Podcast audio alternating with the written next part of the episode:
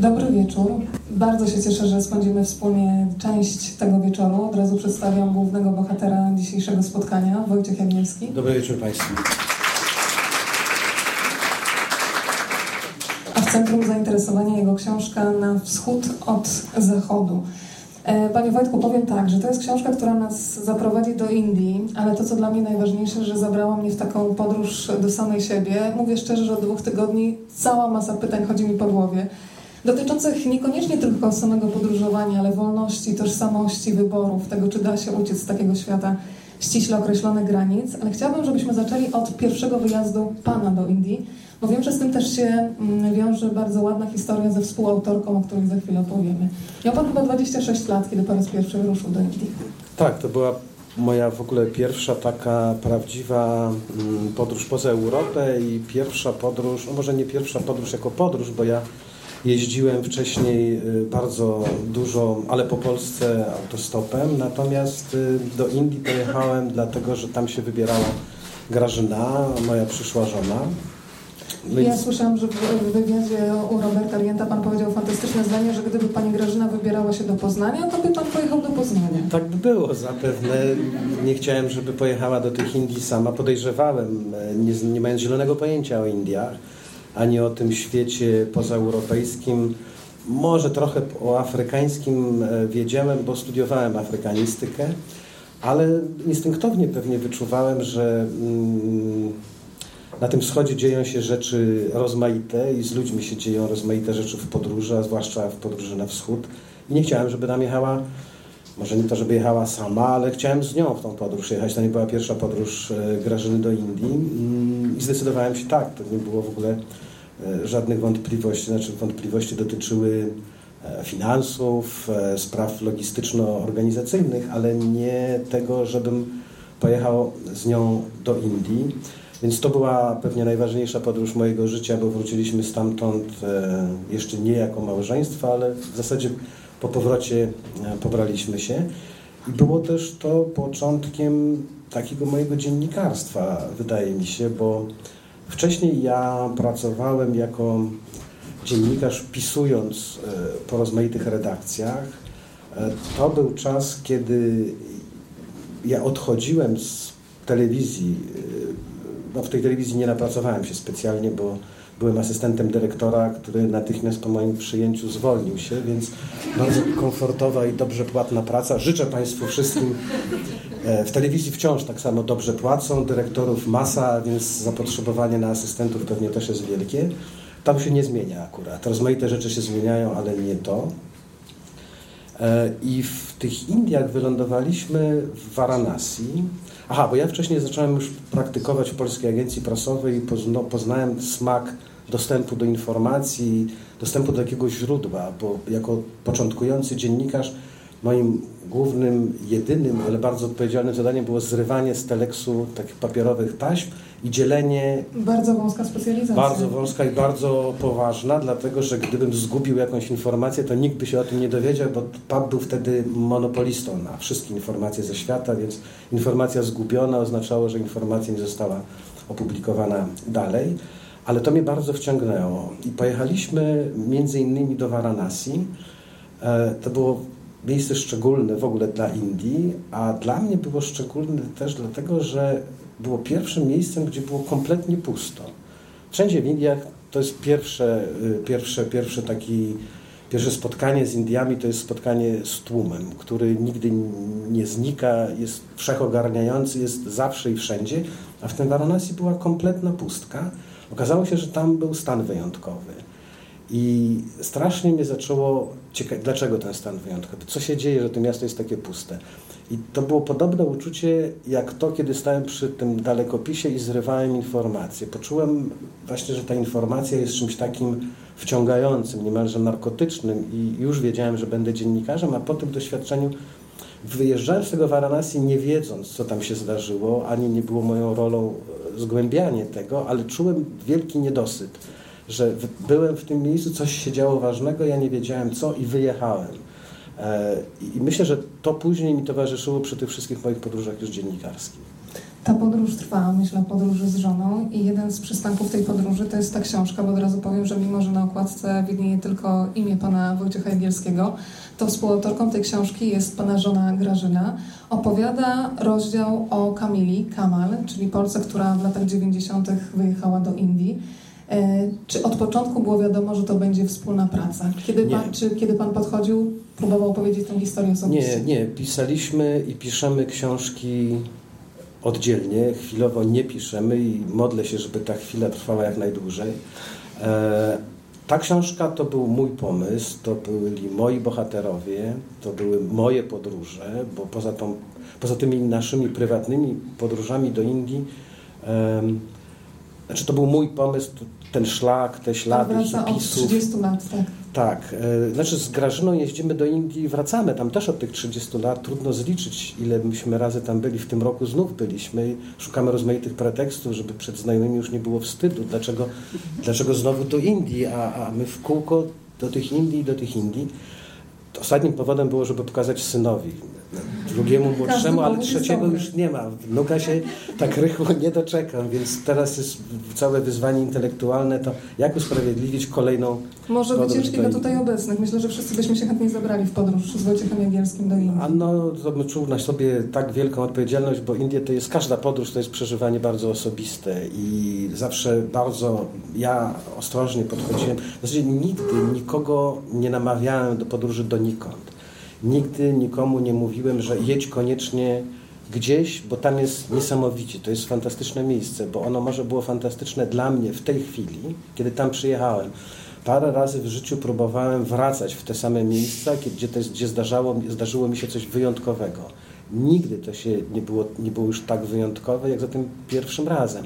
A Indie są w ogóle szczególnym krajem. Zresztą nie tylko Indie. Myślę, że większość krajów na tym szlaku dawnym hipisów, im dalej na wschód, ale myślę, że daleko nie trzeba szukać, już zaczynając nawet Turcja jest, potrafi być, mimo że kraj europejski, bardzo zeuropeizowany, to, to, to potrafi dla kogoś być czymś e, strasznie przykrym. E, ktoś może poczuć się tam wręcz zagrożony. Rodzaj przebodźcowania, prawda? Tak, i, i, uznać, że już nigdy więcej tam nie wróci, a ktoś może wsiąknąć w tą Turcję, Iran, Pakistan, Indię tak, że będzie mu trudno stamtąd wrócić, albo będzie w kółko wracał tak, tak właśnie, tak jak mi to się zdarzyło. E, więc ta książka... do tego momentu, kiedy się pojawiła żona, bo pomysł był tak. Pan zakomikowany w sumie przez lata, bo ona się składa, Zbierałem to przez, przez ćwierć tak. wieku, ten materiał e, i w końcu przestałem jeździć. Być może to jest powód, że nie zebrałem tej książki do końca. Ja żadnej książki nie zbierałem, po prostu wracałem z kolejnych podróży i jeździłem do wielu krajów, ale te kraje były położone w tej jednej strefie moich wpływów, moich zainteresowań. I stamtąd zwoziłem rozmaite rzeczy. Jeżeli one się ułożyły mi w domu w jakąś całość, która była nie tylko opowieścią o jakiejś Gruzji, Afganistanie czy południowej Afryce, ale o czymś więcej, bo takie pisanie książek te, te, te, tej literatury ściśle, non-fiction, o jakimś wydarzeniu, jakimś bohaterze czy kraju, tak prawdę powiedziawszy, nigdy mnie nie interesowało w tej mojej działalności pozadziennikarskiej. Zawsze szukałem czegoś więcej. Jeżeli decydowałem się na pisanie książki, to, to chciałem, żeby o czym ta historia czeczeńska, afgańska czy południowoafrykańska opowiada. No więc szukałem, zbierałem z, z tych moich podróży te, te, te, te, te jakieś skrawki dotyczące hipisów, ich podróży, moich podróży, naśladowców hipisów, czym, czym, po co tam się w ogóle tak jeździło. I zobaczyłem, że po pierwsze więcej nie przywiozę, bo już nie jeżdżę jako dziennikarz. Po drugie, to co leżało gdzieś pod ścianą, było tego ze trzy czwarte, ale nie było. To jeszcze nie była książka. A Brakowało... powiedział Pan leżało pod ścianą. Czy to było gdzieś zapisywane, czy jednak zapisywane Oj, na czarnym dysku głowie, serca, e, duszy? Głównie we mnie, e, ale też te notatki są wciąż w formie papierowej, i w notesach, i w jakichś wycinkach gazetowych. I później oczywiście no, komputeryzacja to jest wynalazek fantastyczny, szczególnie dla dziennikarza, który jest przyzwyczajony czy przywiązany do pracy nad archiwum. Ja mam to archiwum od tylu lat, ile pracuję. Więc to wszystko tam gdzieś jest i, i, i, jak trochę, jak jakiś związek chemiczny, który zostawiony sam sobie, przepoczwarza się w rozmaite rzeczy i innym rzeczom potrafi reakcja, służyć. Nastąpiła reakcja, że książka albo nigdy nie powstanie, czego byłoby mi szkoda, bo jednak zbierałem to, to było mi bardzo bliskie, albo muszę znaleźć coś, co tą książkę dopełni. I przypomniałem sobie o Kamili. I postanowiłem pojechać do niej, do Indii, już tylko do niej, co mi się nigdy wcześniej nie zdarzało, żebym jechał dokumentować jakąś historię. Ja zauważałem historię, kojarzyłem je z czymś innym, ale nigdy nie dokumentowałem jakiegoś jednego zdarzenia, jednego, jednego bohatera. Pojechałem tam, spędziłem dłuższy czas na rozmowach z nią. Wróciłem i zabrałem się za pisanie i zauważyłem, że to pisanie o niej jest jakieś niepełne. Czegoś mi tam brakuje. Ja zawsze potrzebowałem, żeby pisać o kimś, to potrafi, po, po, potrzebowałem, myślę, że jeżeli miałbym coś napisać, to dalej będę tego potrzebował, takiego, że, żebym potrafił wczuć się w tą postać, zrozumieć ją. Ja wiedziałem, co ona zrobiła w życiu. Miałem zapisane, zarejestrowane słowa, jej wyjaśnienia, to wszystko, ale brakowało mi tego spoiwa, tego czegoś, co by ulepiło Kamal. Opowiadałem o tym, tak jak o wszystkich swoich nieszczęściach, opowiadam najpierw żonie, co ją w rozmaite miejsca prowadzi i, i, i ja się to wszystko wylewam i byłem jeszcze bardziej zirytowany, bo to, czego ja nie rozumiałem, dla Grażyny było jakby proste, oczywiste niemalże. Więc to dla pana pisarza to już jest w ogóle cierpienie, tortura niemalże, że nie tylko nie potrafi napisać, to jeszcze na głupka wychodzi, który nie potrafi zrozumieć, więc w zasadzie to należałoby zostawić obok, ale już było, już nie mogłem tego zostawić, zwłaszcza po tych wszystkich rozmowach. Hmm, Grażyna zaproponowała mi w którymś momencie, że ona napisze i może wtedy ja to, czasami są ludzie wzrokowcy, czasami trzeba coś zobaczyć, przeczytać, to też nie pomogło. I wtedy ja uznałem, że to moje niezrozumienie Kamal może być wartością książkową. E, bo ktoś, kto nie przejdzie takiej odmiany, przemiany, no nie jest w stanie zrozumieć, co się z tym kimś stało na, po drugiej stronie. A jak ktoś przejdzie na tą drugą stronę, to nie ma często ochoty pisania książek, tylko sobie żyje po prostu. I namówiłem Grażynę, żeby dała mi to, żeby zostawiła ten rozdział, żeby ona ten rozdział po prostu przygotowała do książki. Ona się zgodziła po wielkich oporach, natomiast nie zgodziła się na nazwisko na okładce. Ono zostało wyeksponowane w środku, natomiast to, że nie ma nazwiska Grażyny na okładce nie wynika z mojego nie wiem, samczego dyktatu, e, miłości własnej, tylko z e, niemożliwego do pokonania oporu mojej żony. A on, jeśli się pojawia, to rzeczywiście jest nieugięty. Jak Pan napisał, mimo wielu rozmów z Kamal, wciąż pozostaje ona dla mnie tajemnicą. Powierzyłem ją więc Grażynie, ponieważ przynależy do tego samego, co Kamal plemienia. Jest więc trochę wbrew sobie współautorką tej książki. To jest wszystko święta prawda. To teraz troszeczkę wprowadźmy w historię, oczywiście, żeby nie odbierać Państwu przyjemności odkrywania tej historii, ponieważ y, główni bohaterowie, za którymi podąża czytelnik, to jest święty, w zasadzie święty nikt i Kamal. Oni są kompletnie inni, też zaczynają tę podróż do Indii w zupełnie innym czasie, mają inne motywacje. Kamal dla mnie decyduje się na coś bardzo odważnego, bo ona nie ma współtowarzyszy. Współtowarzyszami zawsze jest łatwiej ruszyć w podróż. Ona startuje dużo później, w latach 90. i w zasadzie zmienia diametralnie swoje życie. Jej matka nawet pana oskarża o to, że jest pan winny, bo się naczytała pana tekstów i ruszyła w świat. To prawda. To z tym się wiąże też historia, która miała ze mnie zrobić niemalże Indiana Jonesa, bo początek naszej znajomości z Kamal to była rzeczywiście jej wyprawa do Azji. Matka dziennikarka y, sama może nie popychała jej do dziennikarstwa, ale uważała, że dziennikarstwo jest tak wspaniałym zawodem, że jeżeli ktoś się tym zawodem zarazi, to będzie czerpał z niego ogromną satysfakcję. Wydychała ją w świat, ale może nie do dziennikarstwa. I Kamal wybrała się w drogę do Indii. E, mówię Kamal, no bo już tak ją nazywam, bo Kamilą przestała być. E, I jadąc do Indii, nie spiesząc się, tak jak to robili hipisi, więc tutaj jest jakby podobieństwo e, z podróżą hipisów, e, zboczyła do Afganistanu. W zasadzie może nie zboczyła, bo dla hipisów Afganistan był czymś obowiązkowym. Ja spotkałem wielu w Indiach, rozmawiałem, więc wielu z nich zazdrościło mi tego Afganistanu i może przez to, że ja w Afganistanie byłem, to nie dopuszczali do jakiejś tam komitywy, bo do Afganistanu nie można było jeździć, jak tam zaczęły się wojny, a mnie tylko dlatego tam wysyłano, że właśnie się wojny toczyły. Wielu z nich uważało, że ktoś, kto przejechał drogą lądową z Europy do Indii, ale nie przez Afganistan, to ta droga się w ogóle nie liczy.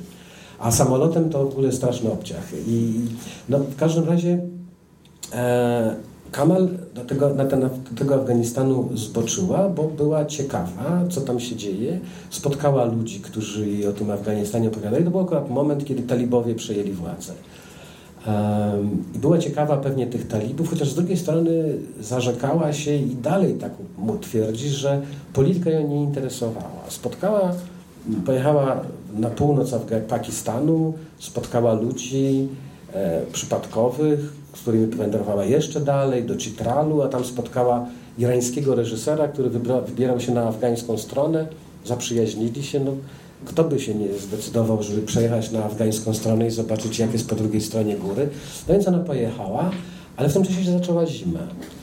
Zima w Afganistanie w tamtych czasach przynajmniej oznaczało, że jak śniegiem były zasypane przełęcze, to już się stamtąd nie wracało. A matka była jeszcze przyzwyczajona do jakichś w miarę regularnych kontaktów z nią. Te kontakty się zerwały. I ja ją spotkałem, mamę Kamal, w Gazecie Wyborczej, gdzie ona, ja wróciłem właśnie z Afganistanu, a ona przyjechała, żeby mnie wypożyczyć od Adama Michnika w roli właśnie Indiana Jonesa, który miał się wybrać z jej bratem w podróż poszukiwawczą do Nuristanu i tam odnaleźć, uratować. Bardzo żałuję, gdyby mi to się udało, byłbym po prostu bohaterem filmów fabularnych, może seriali. W każdym razie zanim myśmy tam, bo to była poważna sprawa, brat y, Kamal był bardzo rozczarowany tym, że to się nie udało, on już konie prawie szykował do drogi, ale ona się odnalazła zanim myśmy te konie wyrychtowali i odnalazła się, ale już nie wróciła. Wyjechała do Indii i tam w tych Indiach już została na stałe. E, no więc przeszła tą wielką przemianę, ona do Europy przyjeżdża od czasu do czasu, e, kończy się to awanturami, bo ona stara się po powrocie już jest tak indyjska, że to Europę stara się na Indię zmieniać, co ta Europa, jej rodzinna też stawia wielki opór. Ale rzeczywiście, w przeciwieństwie do Świętego i do hipisów, ona jeździła w pojedynkę i oni wiele mówili o odmianie, która miała ich czekać na wschodzie, ale bardzo nieliczni tą odmianę, tej odmiany doświadczyli, natomiast ona przeszła tą przemianę tak do samego, do samego końca. To teraz skupmy się przez chwilę na świętym. Święty Nikt to jest jego nowe imię, które dostaje już podczas podróży po Indiach. Człowiek, który już ma ogromne doświadczenie, kiedy panowie się spotykają, w zasadzie połowę życia spędza na wschodzie.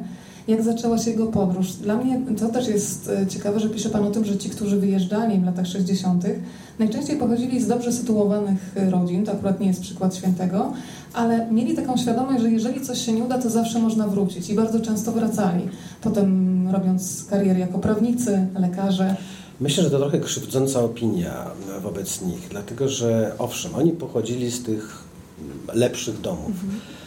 Ale to oznacza, że mieli więcej, mieli więcej możliwości, żeby to swoje życie zorganizować, żeby to życie się ułożyło, ale takim śladem swoich rodziców a oni mając więcej, tego więcej nie chcieli. Oni chcieli jeszcze więcej, ale inaczej. Owszem, później ich losy się potoczyły tak, że e, nie wiem, rozczarowani Indiami, rozczarowani tym, tą utopią hipisowską, często sami z sobą. E, no, życie tam to do siebie niestety, że wymyka się często spod kontroli i, i, i, prowadzi niekoniecznie tam, gdzie my żeśmy sobie założyli, że będziemy zmierzać. Oni mieli dokąd wracać. Po prostu. A te ich doświadczenia, te indyjskie, bardzo im ułatwiało, ułatwiały funkcjonowanie w tym zachodnim świecie, do którego wrócili. Zresztą daleko szukać. Polacy w latach 80. wybierali się masowo do Indii nie po doznania duchowe, ale bardzo materialne. Wyjeżdżali na handel, sprzedawać kryształy. Wielu tych podróżników, przemytników zrobiło fantastyczne kariery w Polsce, bo ten pobyt w Indiach, podróż sama, e, poznawanie ludzi, pokonywanie jakichś trudności, podróż wymaga podejmowania decyzji, decydowania o swoim losie. Dlaczego jadę na wschód, a nie na zachód? Dlaczego w południe, a nie o północy? Dlaczego z tym, a nie z innym? E, więc to w życiu codziennym często jesteśmy zwalniani od decydowania. Rodzice za nas podejmują decyzje, później decyduje szef, później decyduje e, społeczne oczekiwania, często o naszych życiowych decyzjach, włącznie z małżeństwem i posiadaniem dzieci. To nie jest nasza decyzja, tylko no bo, bo ludzie tak, bo jest takie zapotrzebowanie społeczne. Taka podróż z tego zapotrzebowania, z tego przymusu znakomicie wyzwala, uczy samodzielności, więc bardzo często się okazywało, że to, te, Indie, ten Orient, to podróżowanie e, było może lepszą albo dodatkową akademią dla tych podróżników niż pokończone najlepsze uniwersytety i dyplomy e, ekonomii zarządzania. E, więc rzeczywiście, statystycznie, jakby się pewnie na tą armię hipisów spojrzało, to pewnie większość z nich, czy ogromna większość z nich pochodziła z tych rodzin zamożniejszych, bardzo konserwatywnych i wtedy dochodziło do buntu, albo bardzo liberalnych i wtedy było to niemalże zachęta, żeby ci ludzie szukali sami swojej drogi w życiu. To był eksperyment. To jest taki fragment, który przygotowałam, e, który właśnie mówi o tym, o czym Pan teraz wspominał, o tym z jednej strony o zazdrości, kiedy się patrzy na takich ludzi, którzy mają odwagę, a z drugiej też o ogromnym lęku, który w nich samych jest przed tym, na co się mają odważyć. Patrzyliśmy na nich z zazdrością i nabożeństwem, bo marzyło się nam, by czegoś takiego popróbować. Wyrwać się ze świata wyraźnie wytyczonych i nieprzekraczanych granic, świata konwenansu, odtąd dotąd, w którym wszystko jest już raz na zawsze ustalone kolej rzeczy nienaruszalna, a swobodnemu wyborowi podlegają tylko sprawy pomniejsze, nie zagrażające odwiecznemu porządkowi. Robisz to, co przed tobą robił twój ojciec, a przed nim jego ojciec. Robisz to, co się powinno robić, czego się po tobie spodziewają, co jesteś komuś winien, co wypada, co się opłaca. Nagrodą za podporządkowanie i wyrzeczenie się wolności jest przewidywalność i bezpieczeństwo. Odrzucić to, to skazać się na nieznane a niewiadomej, ryzyka, niepewności boją się nawet ci, którym się wydaje, że nie mając nic, nie będą mieli też nic do stracenia. No i to pytanie, jak to jest żyć po swojemu? Co się czuje, nie stając do wyścigu, w którym udział uważany jest za święty obowiązek, choćby dlatego, że wszyscy inni w nim uczestniczą? Jak to jest nie stawić się na linię startową albo pobiec nie z resztą rywali, ale własną trasą, w swoim tempie? I nie zważać na szyderstwo, oburzenie, gniewne obelgi jak poradzić sobie z lękiem przed potępieniem i wykluczeniem, niezrozumieniem i samotnością. O tym też panowie rozmawiają ze świętym podczas tej podróży, ale dla mnie bardzo ciekawe jest to, że z jednej strony ruszając w podróż jesteśmy ludźmi z bardzo, z bardzo dużą ciekawością, ale też czasami wąskimi horyzontami, bo okazuje się, że widzimy tylko to, co chcemy widzieć. To też jest bardzo ważny wątek tej książki. Bo to prawda. Myślę, że każda podróż, ten początek podróży to jest jakieś nasze własne oczekiwanie. Mm, rzadko kiedy chyba ruszamy w świat niczego się nie spodziewając. To może być wyobrażenie. E, myślę też, że w tej podróży w nieznane zawsze towarzyszy większy lub mniejszy strach.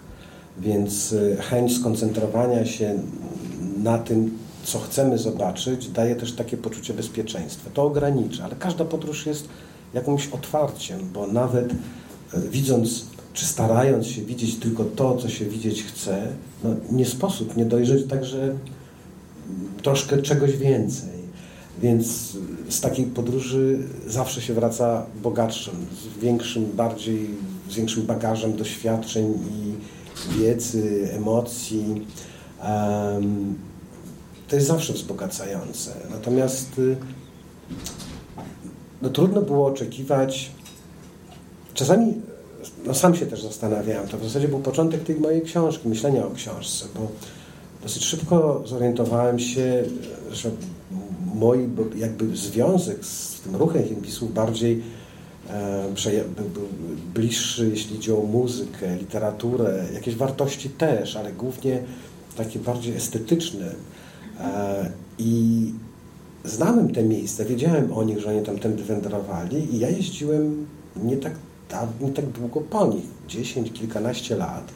I te kraje, o których ja pisałem, które ja widziałem, w niczym nie przypominały tej utopii, o której oni opowiadali. Nie dlatego, no zastanawiam się, czy oni tego nie widzieli, czy też to, co ja oglądam, jest tak bardzo inne, niż e, wyglądało, kiedy oni przejeżdżali przez to. I myślę, że i trochę tak, i trochę tak. oni widzieli to mm, z powodu czego wyruszyli w tą podróż. Ja widziałem to, co pojechałem oglądać jako dziennikarz, też jakby ograniczony w, tych swoich zainteresowaniach, bo ja mogłem się, mogło mi brakować, mogłem szukać w Afganistanie początków buddyzmu, duchowości, e, jakiejś, nie wiem, serdeczności afgańskiej, ale przecież nie po to mnie tam wysyłano. Był tam pan jako korespondent Byłem jako korespondent, e, miałem pisać o wojnach, które nie były moim wymysłem, tylko które rzeczywiście się działy. E, jedno nie unieważniało drugiego, bo nawet wtedy, kiedy tam się toczyły najstraszniejsze wojny, wciąż te rzeczy duchowe były i są. E, więc nawet gdybyśmy jeździli razem, i ci hipisi i ja, to jedni mieliby prawo oskarżać drugich, że nie widzą tego, co widzą drudzy, a i jedno i drugie było prawdziwe, ale sam myślałem sobie, że jak to jest, jak, to, jak mogli tego nie widzieć? Jak mogli jechać do Indii i uważać Indię za krainę e, tolerancji, cierpliwości, pokoju? E, jak Indie mogły mieć twarz wyłącznie Mahatmy Gandiego? Przecież to się działo nie tak dawno, w 1947-1948 roku. Początek, e, rozerwanie Indii i Pakistanu to była pierwsza po II wojnie światowej tak krwawa, makabryczna rzeź. Pierwsze tak straszne czystki etniczne. Dopiero jeżdżąc do tych Indii zorientowałem się, jak głębokie blizny tamtej wojny są do dziś. A oni tego nie widzieli nie mogę w to uwierzyć. Pan też pokazuje, oddaje głos Hindusowi, który mówi, że kiedy pana kolega święty wyruszał do Indii szlakiem hipisów w roku 66, jego brat właśnie wychodził na wojnę. I to, to zderzenie tych dwóch rzeczywistości Tak, ale to, to, to może rzeczywiście, znaczy, trudno ich oskarżać o niewiedzę, bo po pierwsze to nie był świat internetu, to nie był świat mass mediów. E, Europa w latach 60. bardziej się przejmowała wojną globalną między Stanami, między Zachodem i Wschodem, nową wojną atomową, która groziła co chwilę, a to kryzys koreański, a to kryzys kubański, a to kryzys berliński, była Europa za, na tyle sobą zajęta i na tyle miała swoich problemów europejskich, żeby przejmować się jeszcze tym światem dalszym, odleglejszym. Zresztą milion ludzi zabitych w Indiach, w Europie po II wojnie światowej, jakby to brutalnie zabrzmiało, nie robiło aż takiego wrażenia. E, Europa, bardzo długo Europie zajęło pogodzenie się z, tym, z tą hekatombą, jaką zapłaciła za, za tą drugą wojnę światową. Więc oni mieli prawo nie wiedzieć aż tak wiele, jak dzisiaj powinniśmy wiedzieć, mając dostęp do tych wszystkich mediów. Poza tym oni nie byli badaczami polityki, nie byli badaczami historii. Jechali na wschód, bo na tym wschodzie spodziewali się znaleźć to, o czym pisali pisarze, o czym pisali filozofowie, e, o czym się dowiadywali, o, o religiach wielkich wschodnich, o cywilizacjach wschodnich. Tego tam szukali, a nie powodów, dla których muzułmanie pokłócili się z Hindusami, albo jak w tym wszystkim jeszcze odnajdują się Sikhowie. Do dziś na Zachodzie wiele osób ma kłopoty ze zrozumieniem, że jest jeszcze ktoś taki jak Sikh. Po 11 września w Stanach Zjednoczonych zamordowano kilku Sikhów tylko dlatego, że mieli brody i turbany. A to wiadomo, że to jest przyodziewek obowiązkowy fanatyków muzułmańskich, którzy byli są najgorszymi wrogami, więc trzeba było odpłacić właśnie im. Więc e, dziwiąc się im e, na początku, później jak e, rozmawiałem z nimi i troszeczkę się nad tym zastanawiałem, bardziej ich usprawiedliwiałem. Rzeczywiście w tej podróży widzimy głównie to, z jakiego powodu, co było powodem, że w tą podróż w ogóle wyruszyliśmy. Ale chyba się nie pomylę, jeżeli powiem, że Pan w ogóle patrzy na nich z ogromną czułością, zdając sobie sprawę, że jeżeli ktoś rusza w drogę tak kompletnie bez celu, to znaczy, że coś go bardzo uwiera że już go nic nie trzyma, że ta odwaga też wynika z tego, że nie ma nic do stracenia. I ta czułość jest obecna w tej opowieści. No rzeczywiście może czułość... E, wiele rzeczy wiążących się z ruchem hipisów jest mi rzeczywiście bardzo bliskich. Mam dla nich wielkie zrozumienie. Mm czułość może jest za dużym słowem, ale jakieś braterstwo, broń, może bym się nie, się broni przed bym się nie, bym się, nie, dlaczego? Nie, nie, nie, nie, nie czuję się aż tak bardzo pokrewną duszą, mhm. a z całą pewnością nie czułem takiej determinacji, bo to wymaga odwagi, wymagało odwagi. Ja w sobie takiej odwagi nie, nie znajdowałem, a może nie miałem potrzeby aż tak wielkiej przemiany. Może ten świat, w którym ja sobie żyłem, nie wydawał mi się aż tak bardzo dokuczliwy. E, te moje ramy wolności dla mnie niezbędne może były łatwiej, łatwiejsze do zrealizowania, bo może były takie bardziej podwórkowe, a nie, a nie, a nie, nie aż takie, jakie były im potrzebne. E, ale może też fascynowała mnie ich odwaga. To, to ta decyzja, e, żeby zostawić świat, w którym wyrośli, do którego byli przysposabiani, który im nie pasował i oni nie godząc się na to, znaczy nie dali się złamać, nie dali się wcisnąć w tą foremkę dla nich przygotowywaną, nawet foremkę najwygodniejszą, tylko postanowili sobie szukać czegoś na własną rękę.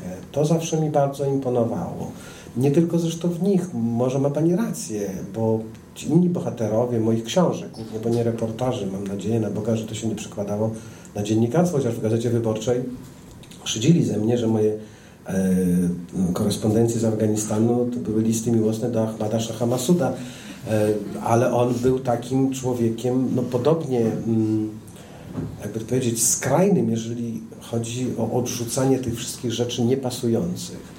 Um, taki, takie typy rewolucyjne bym powiedział, bo, bo, bo to jest coś w rodzaju takiego typu rewolucyjnego. Odrzucam wszystko, co mi nie pasuje i szukam na własną rękę czegoś, czegoś swojego, gdzie, gdzie będę mógł żyć tak, jak mi, mi to pasuje. Jest w tym też wiele egoizmu i no nie wiem, czy nieodpowiedzialności, znaczy wyrzekanie się odpowiedzialności za kogokolwiek poza samego siebie. To jest trochę samotność, a samotność jest straszna, no bo jeżeli wolność absolutna oznacza, że nie jest niczym związana, także odpowiedzialnością za najbliższą osobę. No więc wyrzekam się tej najbliższej osoby, a w tym samym skazuje siebie na pojedynczość. To jest najgorsze, co może człowiekowi się w nocy przyśnić pewnie. E, więc oni mi fascynowali, ich pobudki, to, co się z nimi działo. Czy to się im udało, co się udało, czy są zadowoleni z tych wyborów, czy gdyby mogli zaczynać wszystko jeszcze raz, to owszem, pojechaliby sobie na jeden festiwal, na drugi, spalili jeszcze 10 fai, ale do tych Indii może pojechali z wycieczką Neckermana albo Tui i wrócili po dwóch tygodniach. Ciekaw byłem ich i w sumie trudno powiedzieć, żebym znalazł taką jednoznaczną odpowiedź. Myślę, że ono by było, to by było coś strasznego, takiego właśnie przypominającego głosowanie SMS-ami w jakimś programie telewizyjnym. Czy Jurek odniósł sukces, czy poniósł porażkę? I widzowie decydują. Fach, przegrana, koniec, kropka. I, a, a, a tutaj nigdy tak nie było i, i ten, ten, to, to moja, dobrze, jak nie fascynacja, to to zauroczenie tym ruchem hipisów po spotkaniach z nimi y, jest wciąż, y, wciąż duże. Mi w głowie bardzo mocno siedzi opowieść jednego z pana rozmówców z Indii, który mówi, że na początku był przekonany, że hipisi tak naprawdę to nie jest ich słowo hippie, tylko happy i nazywał ich w myślach szczęśliwymi ludźmi, ale potem mówi wprost, że na szczęśliwych to oni nie wyglądali, oni tego szczęścia szukali. To prawda, ale to też myślę, że oni sami, hipisi w tych latach 60., mogli o sobie, którzy znaleźli się w Indiach, mogli uważać siebie za szczęściarzy. Po pierwsze dojechali, e, w tych Indiach w tamtych czasach rzeczywiście życie nic nie kosztowało. Nie mieli żadnych zmartwień, mieli po 20 parę lat, całe życie przed sobą, no, żyć nie umierać. Natomiast dla takiego Hindusa, tego akurat mojego bohatera, szczęście kojarzyło się z dostatkiem, z majątkiem, z dużym brzuchem, z dużą rodziną. No więc jak patrzył na tych białych, obszarpańców, takich chudziaków, no to go żal go po prostu tylko na nich brała, tym bardziej, że to było dla mnie odkrycie, e, że dla wielu Hindusów hipisi, którzy przyjechali na początku lat 60., byli pierwszymi białymi, których ci Hindusi widzieli od wyjazdu innych białych, tych Brytyjczyków, którzy, którzy ich skolonizowali. No, tamten biały, tamten Brytyjczyk to była zupełnie inny gatunek człowieka. Chodził prosty, nosem do góry, z Hindusem się nie zadawał. Tamten to był szczęśliwy człowiek, szczęściarz, bo był Brytyjczykiem. A ci byli wielkim zaskoczeniem dla, dla Hindusów. E, z całą swoją cierpliwością i tolerancją dla wszelkiej odmienności wielu z nich starało się od tych hipisów trzymać jak najdalej. E, nawet hotelarze niechętnie ich przyjmowali do swoich tych hoteli, bo zarobek z nich był rzeczywiście marny, bo z porządnego białego to można było i z 10 dolarów ściągnąć za dobę, a taki hipistwo się upierał, że on w pojedynczym pokoju i z toaletą w życiu spać nie będzie i najszczęśliwszy będzie, jak zapłaci 20 pajsa za życie w dormitorium z 40 innymi hipisami. Im mniej, tym lepiej. Dla Hindusów to była zupełnie filozofia nie do przyjęcia i, i niechętnie ich u siebie gościli.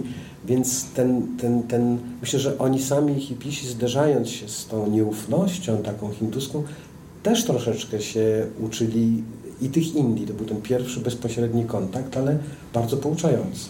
Seti też ma w sobie dużą wdzięczność, ponieważ jak opowiada w Pana książce, wszystko do czego doszedłem zawdzięczam właśnie im. Na nich dorobiłem się pierwszych pieniędzy, oni odkryli przede mną wielki świat. Uciekali na wschód, by się uwolnić od dławiącej ich na zachodzie tyranii pieniądza, a mieszkańcy wschodu skwapliwie im w tym pomagali. Przyjeżdżali tu, by wyrzec się kultu gromadzenia bogactwa, a my marzyliśmy tylko o tym, by zostać jego najgorliwszymi czcicielami. Seti lubił rozmawiać o dawnych czasach, gdy jeszcze prawie całe życie było przed nim. Dzisiaj nikt w Indiach nie uważa pieniądza za potwora, którego należy poskromić, ale w tamtych czasach rzeczywiście nie brakowało u nas takich, co wierzyli, że człowiek nie powinien posiadać więcej niż potrzebuje, a gromadzenie dóbr ponad własne potrzeby uznawano za oznakę szaleństwa. To zapytam jeszcze o świętego, który mówi coś takiego, że w życiu trzeba poczekać czasami na podpowiedzi. Czeka, aż coś przyniesie e, droga. Jak często to, to było spójne tak naprawdę z zawodem dziennikarza i korespondenta. Pan też jechał w niewiadomą. Nigdy nie mógł sobie wymyślić trasy podróży dokładnie, bo zaskakiwał konflikt, bo zaskakiwały zamknięte drogi. Ta niepewność jest chyba wpisana w życie. Tak. E, I ja podzielałem znaczy, on mi to powiedział trzy lata temu. E, myśląc o tym, e, sobie doszedłem do wniosku, że ja chyba w taki sposób e, funkcjonowałem jako dziennikarz przez całe to swoje życie. Oczywiście jak mnie wysyłano gdzieś, to kierunek podróży był jasny, cel podróży był jasny, ale po drodze zdarzało się mnóstwo sytuacji, kiedy trzeba też było podejmować decyzje natychmiast. E, często nie mając do tego jakichkolwiek przesłanek, trzeba było się kierować intuicją, po prostu ślepym trafem. Albo siedzieć i czekać, aż skądś przyjdzie jakaś podpowiedź. I ona prędzej czy później przychodziła. Mnóstwo rzeczy w moim dziennikarskim życiu mm, przydarzyło się właśnie przez przypadkowe spotkania. Można by powiedział, że większość. E, te najlepsze spotkania to były właśnie takie spotkanie z Masudem. Ja do tego Afganistanu jeździłem, żeby spotkać Masuda, bo mm, już to pewnie wiele razy opowiadałem, ale no rzeczywiście ja go czytałem najpierw o nim, jako młodym komendancie afgańskim, co było wyjątkowe, bo większość przywódców tej partyzantki to byli ludzie już bardziej e, szanowanym wieku który nigdy nie wyjechał z kraju, e, który walczył cały czas u siebie w tej dolinie, odpierał szturm za szturmem, nie szedł na kompromisy, co było nieprawdą, ale to o tym się dowiedziałem później. E, I jeszcze później zobaczyłem jego zdjęcie i on wyglądał jak Bob Dylan i Bob Marley w afgańskiej czapce. No po prostu totalne szaleństwo. Myślałem, no muszę, muszę go zobaczyć. Ale nigdy było nie po drodze, bo on był strasznie zajęty wojną, później rządzeniem, no miałem kłopoty. Któregoś razu, był bodajże 93 rok, przyjechaliśmy do, do Kabulu e, właśnie dlatego, że on był otoczony dookoła przez partyzantów już wrogich Masudowi i ten Kabul był bombardowany. No i to jest gratka, wtedy dziennikarze właśnie przyjeżdżają, żeśmy chodzili po tym Kabulu, nic się nie działo, żadnego bombardowania akurat. I spotkaliśmy jakichś partyzantów. E, nie mając nic więcej do roboty, oni nas zawlekli do swojej kwatery, też nic więcej mieli do roboty. Jak na wojnie jest przerwa, to nudy po prostu straszne. No i przyprowadzili nas tego komendanta e, i komendant nas się pyta, czego my tu w tym Kabulu szukamy. No więc Krzysztof Miller, który mi towarzyszył w większości podróży, on nie mówił po angielsku, ale zawsze swoje pierwsze zdanie zgłaszał, mówi, że on to na linię frontu chce pojechać, żeby zrobić zdjęcia. No mówi, w porządku, linia frontu. A do mnie mówi, a to ja mówię, a ja Masuda. A mówi, Masuda. E, mówi, a kiedy tego Masuda? Albo linię frontu. Czyli mówi, linię frontu to już jutro, a Masuda pojutrze. Komendant się zamyśli i mówi, a może Masuda jutro linię frontu pojutrze? Bo nie wiadomo, czy są jaja sobie robi, po prostu żarty z takich dziennikarzy. A to była prawda święta. On mówił zupełnie serio i zabrał mnie na zajutrz do tego Masuda pierwszy raz, później z nim się wiele razy spotykałem, a potem, tak jak obiecał, zabrał nas na linię frontu, która niestety wraz z pojawieniem się dziennikarzy bardzo się ożywia, bo partyzantów mało co tak wprawia w taki animusz bojowy, jak pojawienie się zwłaszcza kamery telewizyjnej. Wtedy po prostu nie ma przeważ dla przeciwników, czy oni tam są, czy nie ma. Ale, ale z, takich, z takich właśnie tych spotkań i decyzji yy, więc całkowicie go rozumiałem, że jeżeli, jak on opowiadał o swoich podróżach, zresztą ja miałem wielkiego stracha z nim rozmawiając, bo zrozumiałem, że on troszkę w takiej zastygniętej pozycji zamarł w tym Delhi. Wyjechał skądś, gdzie nie mógł już dłużej, uznał, że nie może dłużej żyć, ale nie bardzo wie, co ze sobą zrobić dalej. Może wrócić na zachód, może zostać w tym Delhi, a ja go potrzebowałem, bo mnie też w tym Delhi wcięło, za przeproszeniem, bo Dookoła trwały zamieszki, nie można było wyjechać z miasta. Przede wszystkim Kamal, do której pojechałem, gdzieś mi przepadła. I ja musiałem czekać na Kamal. Spotkałem świętego i myślałem, że czekając na Kamal, on mi będzie opowiadał o sobie. I pomyślałem tak, że jeżeli on czeka na taką podpowiedź, to w każdej chwili może zainspirować się kimś czy czymś, zostawić te Deli i mnie i ruszyć w jakąś drogę. Nie wiem, co się z nim stało. Wróciliśmy do Deli, ja wróciłem do Warszawy, Wracając do Delhi na Paharganj bardzo często spotykam tych samych ludzi. Nie tylko tych samych sprzedawców, ale takich właśnie tęsknych, trochę smutnych e, panów, panie 60 plus, 70 plus, które gdzieś tam się snują. Myślę, że szukając swojej młodości. Ale świętego już nie spotkałem, a od tego czasu byłem trzy razy w Indiach i, i śladu po nim nie ma. Nie wiem, zresztą nawet nie, nie wiedziałbym, jak się o niego pytać, bo w hotelu pytać się o białego, o hinduskim imieniu, no to dziwne, a jego imienia prawdziwego i nazwiska nie znają, bo mi nie podał, bo powiedział, że tak się nazywał kiedyś, a teraz to już jest kimś zupełnie inną osobą. Napisał Pan to akurat przy okazji Afganistanu, że mm, wielokrotnie Pan tam wracał, ale no, na nowo się uczył tego miejsca. I z Indiami też Pan pokazuje, że teoretycznie już znamy konkretne zakątki, ale Kamal po raz pierwszy pokazał Panu na przykład cmentarz chrześcijański. Ja za każdym razem coś nowego w Indiach e, odkrywam, nawet w tych samych miejscach, w tych samych osobach. Znam Kaszmirczyka, którego poznałem pierwszy raz w 1994 roku. On mnie pomógł mi pojechać do Kaszmiru, tam trwało powstanie mm, i spotykamy się z Szafim za każdym razem, kiedy ja wracam. To jest mój taki znajomy. Ile razy się z nim spotykam, Szafi ma o rok więcej lat. Państwo go też poznają dzięki tej książce. On tam też jest. Coraz więcej jakichś własnych refleksji, inaczej patrzy na życie. Ile razy do niego przychodzę, żeby się przywitać, cały czas dowiaduję się czegoś nowego o jego rodzinie, o jego życiu, a więc także o tych Indiach. To samo miejsce, ta sama ulica robi inne wrażenie o poranku, inne wieczorem. Zależy, kiedy się przyjedzie. Ja mówię o Indiach, ale to może być dowolne miejsce. To może być Kabul, to może być Teheran, Islamabad, Rawalpindi. E, one są za każdym razem inne, bo i my jesteśmy inni, kiedy tam przyjeżdżamy. E, przyjeżdżamy w to samo miejsce też z takimi oczekiwaniami, że spotkamy to, co już było. Nigdy tego już nie ma. E, więc siłą rzeczy to cały czas się czegoś nowego dowiaduje. Dowiaduje się czegoś innego o Indiach, bo Indie są ogromne. E, I no, no, oczywiście człowiek może się uprzeć, że wciąż będzie jeździł w te same miejsca, tymi samymi pociągami i wracał, ale to jest trochę strata. E, a jak się tylko troszkę zboczy z drogi, to odkrywa się miejsca, tak fantastyczne, że człowiek zachodzi w głowę, jak to możliwe, że przez 20 lat jeździłem do Indii i o tym miejscu nigdy nie słyszałem. Kiedy czytałam książkę Na wschód e, od zachodu, to przypomniały mi się słowa profesora Jacka Hołówki, który powiedział, że nie ma co za bardzo zapuszczać korzeni i udawać, że jesteśmy roślinami, bo człowiek z natury jest nomadą, jest wędrowcem i musi być w drodze. Więc zastanawiam się, Panie Wojciechu, jak to u Pana jest, no bo przez lata jeździł Pan i tak naprawdę i wydarzenia na świecie i redakcja decydowała o kierunku i miejscu wylotu. Teraz już od dłuższego czasu sam Pan decyduje o tym, gdzie i kiedy jedzie. E, jak to jest z tym guzikiem? Każdy, ja uważam, że ma takiego szwendacza gdzieś budowanego fabrycznie. Pytanie, czy on zostanie naciśnięty, czy nie. Jak długo Pan jest w stanie zapuszczać korzenie? Kiedy znowu włącza się ten zen, żeby no, ruszyć? Jak, w sumie to zapuszczanie korzeni to bardzo łatwo przychodzi. Myślę, że mm, jeżeli miałbym siebie przypisywać do jakiegoś plemienia, to raczej bym siebie przypisał do tego ludu osiadłego, może nie przywiązanego do ziemi, ale zdecydowanie do ludu osiadłego. Moja żona jest koczownikiem. Stąd może to nasze szarpanie, y, bo ciężko to jakby pogodzić, ale ona jest zdecydowanie koczownikiem. Ja koczownikiem bywałem tylko na gruncie zawodowym. Zaczynam tak niepokojąco odczuwać teraz dopiero jakieś potrzeby koczownicze, kiedy może te zawodowe e, koczownictwo odeszło w przeszłość, bo myślę sobie o rozmaitych podróżach, o których wcześniej nie myślałem,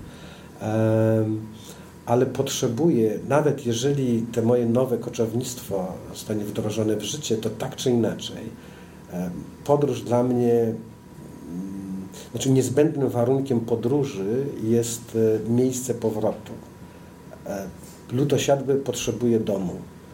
Ja potrzebuję domu. To może być mieszkanie na dziesiątym piętrze 20 metrów kwadratowych, może być dom.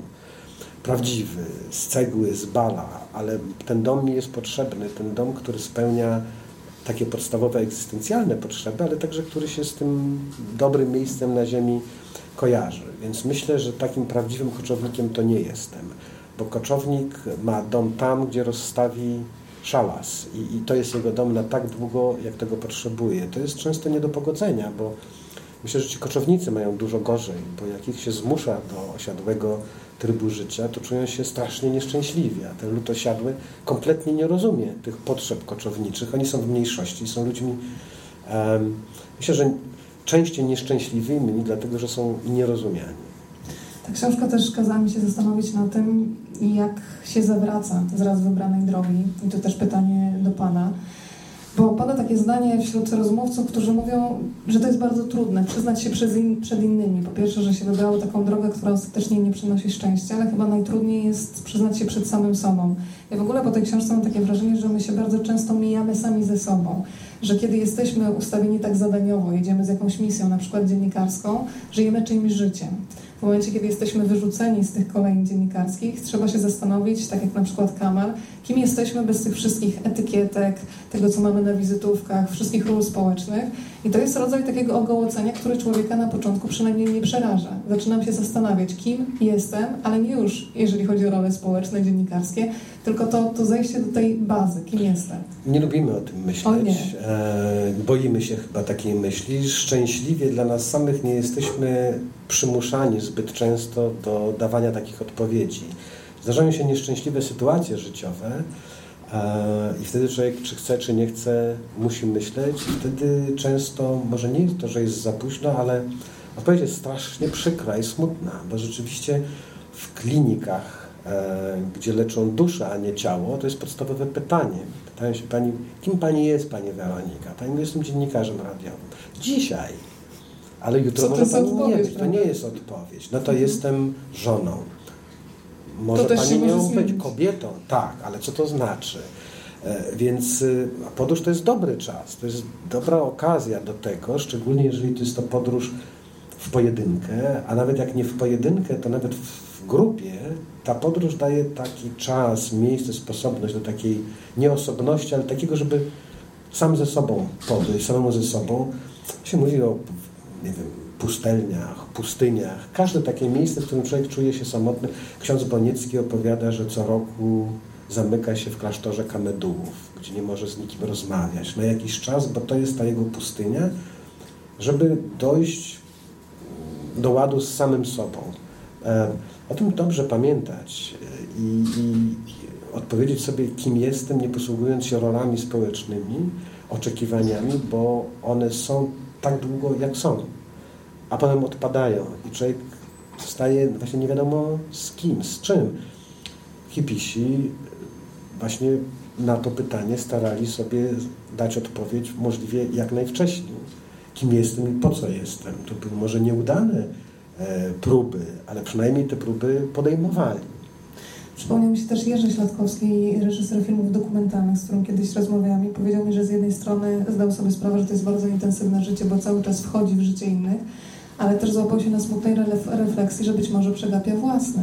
I zastanawiam się, jak często Pan musiał sam sobie odpowiedzieć w tych momentach samotności, na ile to dziennikarskie zadanie wyznaczało, czy Pan się nie bał tej samotności, zostania sam na sam z tym pytaniem. Co kiedy ten zawód dziennikarski no, ja miałem, ja miałem, miałem farta życiowego odpukać. Dla mnie te podróże były, były takimi podróżami jak dla księdza Bonieckiego zamykanie się w klasztorze Kametułów. One może były ciekawsze, e, może bardziej ryzykowne, ale z całą pewnością były czymś takim, e, zwłaszcza podróże do Afganistanu w tych latach 90.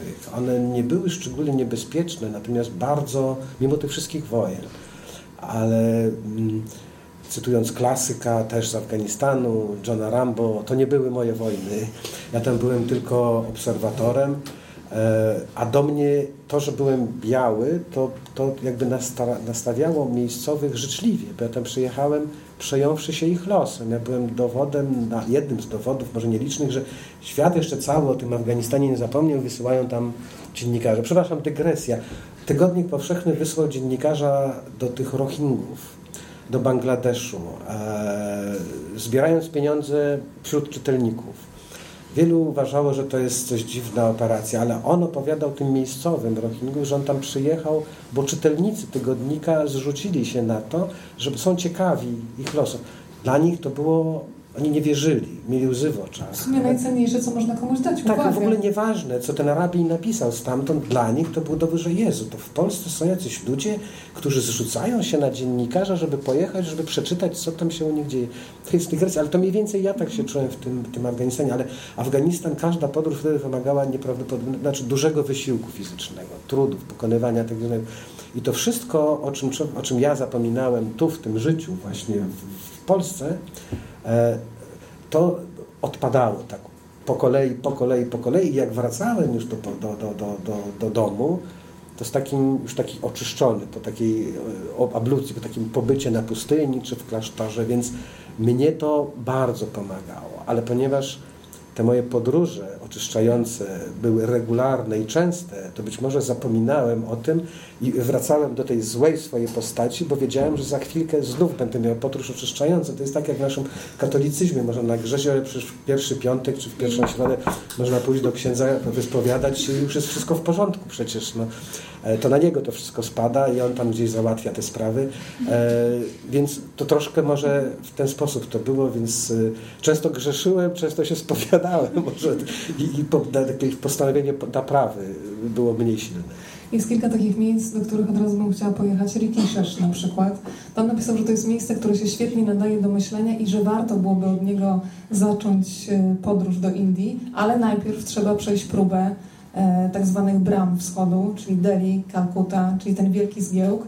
E, I powiedzmy, że w tej opowieści też pojawiają się muzycy. Jest Bob Dylan, jest Mick Jagger, są Beatlesi, e, którzy e, też mają swoje zasługi, jeżeli chodzi o rozpowszechnienie niektórych zakonów. No myślę, że nikt nie ma takich zasług w popularyzacji Indii jako kraju poszukiwań duchowych, ale także takiej masowej turystyki, właśnie jak Beatlesi. Przecież gdyby oni pojechali nie do Rishikeshu, tylko do Bangkoku, albo do Montevideo, to przecież ci hipisi nie pojechaliby raptem do Rishikeshu, tylko pojechaliby za nimi, albo no nie wiem, czy to właśnie był urok i potęga Beatlesów, bo Rolling Stonesi, którzy byli tak samo popularni i siłę rażenia mieli często jeszcze, jeszcze większą. Może takich miejsc nie wiem, może nigdzie się nie wybrali, ale no Beatlesi mają ogromne zasługi. Oni dostali przynajmniej McCartney bo chyba Lennon zwrócił, zdaje się, tytuł szlachecki, ale to Indie powinny im przyznać tych tytułów szlacheckich co 10 lat, przyznawać za to, że oni tak mm, otworzyli Indie na zachód i za nimi głównie powędrowały te, te, te, te młodzieżowe masy. Muzyka, znaczy dla mnie jest ważna. To jest taki wymiar, bez którego nie potrafię żyć. E, nawet kiedyś Wojciech Mann napisał, on kiedyś pisywał do, do magazynu Gazety Wyborczej na ostatniej stronie takie swoje miniaturki muzyczne. Kiedyś napisał, to było w zespole Deep Purple, że on słuchał muzyki całościowo, znaczy słuchał tego dźwięku z wokalem starając się nawet nie, nie, starając się rozumieć słów. I ja tak to też słuchałem. Rzeczywiście, bo Smoke on the Water, jak człowiek rozumie, o czym oni śpiewają, to trzy czwarte uroku się traci i, może lepiej czasami nie rozumieć, więc może rzeczywiście dopuszczanie piosenkarzy z marną dykcją nie jest złym wynalazkiem. E, ale dla mnie ta muzyka była strasznie ważna, zawsze. E, zawsze starałem się, żeby gdzieś mi towarzyszyła, żeby gdzieś coś grało. E, ten, ta ścieżka dźwiękowa, nawet jeżeli nie słyszałem, to lubiłem, lubiłem ją sobie wyobrażać, więc siłą rzeczy, a muzyka była strasznie ważna dla hipisów. Zresztą w ogóle tych naśladowców hipisów, tych, tych backpackersów tak zwanych, którzy później w latach 80., 90. przemierzali Indię, to to już inaczej się ich nie spotykało, jak ze słuchawkami w uszach, gdzie coś tam grało, czy to Dorsi, czy nie wiem, bardziej współczesna muzyka, ale, ale, ale, ale się słuchało tej muzyki. To też jest opowieść o takich miejscach, które warto trzymać w sekrecie dla siebie, ponieważ kiedy się zacznie za dużo o nich opowiadać, no to stają się rejami turystycznymi, chociażby przypadek świętego Igoa. Kiedyś dziewicze nietknięte, dzisiaj Fabryka Miałem szczęście poznać człowieka, który był hipisem, a którego dzisiaj, myślę, większość tych hipisów zatwardziałych, takich jak święty, którzy tam zostali najbardziej przeklinając, Tony Wheeler. Australijczyk, który przejechał ten cały wschód, tylko on jechał ze wschodu na zachód, bo jest z Australii, ale to wszystko, wszystko przewędrował, a później ze swoich notatek zrobił przewodnik. Ten przewodnik się nazywa Lonely Planet.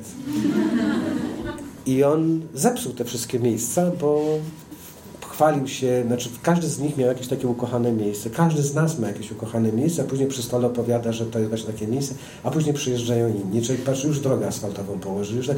Sam się przynoszę do takiej wsi, bo ja się wyprowadzam na Mazury i to była wieś, e, jedna z takich pierwszych, która została podbita.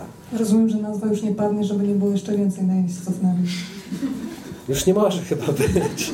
E, to była ta pierwsza warszawska konkwista, ale dzisiaj są skutki tej konkwisty bardzo pouczające, czasami zabawne, czasami smutne, bo mm, co jakiś czas pojawiają się jakieś nowe wynalazki, które proponuje na przykład Unia Europejska i miejscowi bardzo sobie te wynalazki chwalą, natomiast ci, którzy tam przyjechali szukając takiego właśnie rustykalności, to protestują. Na przykład była wojna o asfalt do wsi miejscowi bardzo sobie tego asfaltu życzyli, bo można wtedy jeździć dłużej samochodem, szybciej dojechać do, po zakupy, ale dla tych, co przyjechali z Warszawy, asfalt? Mojej mazurskiej wsi. Pan Wojciech przyjechał po brak asfaltu. Tam miały być kurki, piach, mazurzy, kurpie ewentualnie, ale nie jakiś asfalt na Boga jedynego. Ronda z granitowej kostki.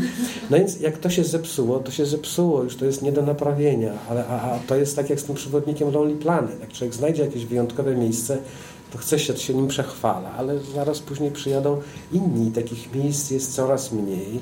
Tym bardziej, że świat się bardzo zmniejszył przez tą swoją dostępność. E, McLuhan staje się, już to stanie się globalną wioską, tak. ale staje się globalną wiochą bardziej, ale, ale, ale cała nadzieja dla mnie jest w ludziach młodych, którzy mając w sobie tą energię, to, ten apetyt na życie, prędzej czy później odnajdują takie miejsca i często są to miejsca, które kiedyś były niezwykłe, później się już zużyły albo spowszedniały i stają się niezwykłe na nowo.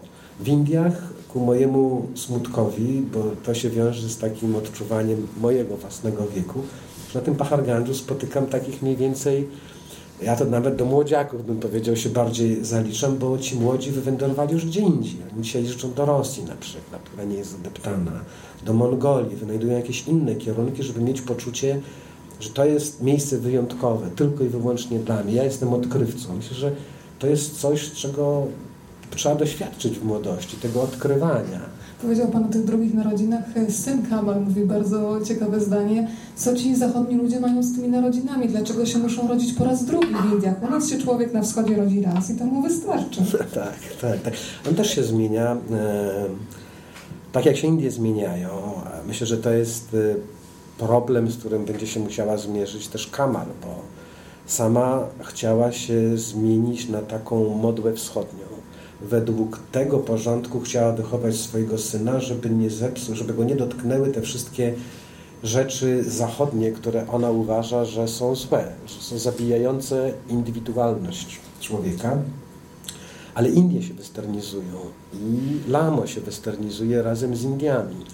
A Kamal, żeby być zgodna ze swoimi przekonaniami, musi dać mu wolny wybór i w tym wyborze go tylko i wyłącznie wspierać. Więc y, Lamo jest, ma wielki apetyt na życie.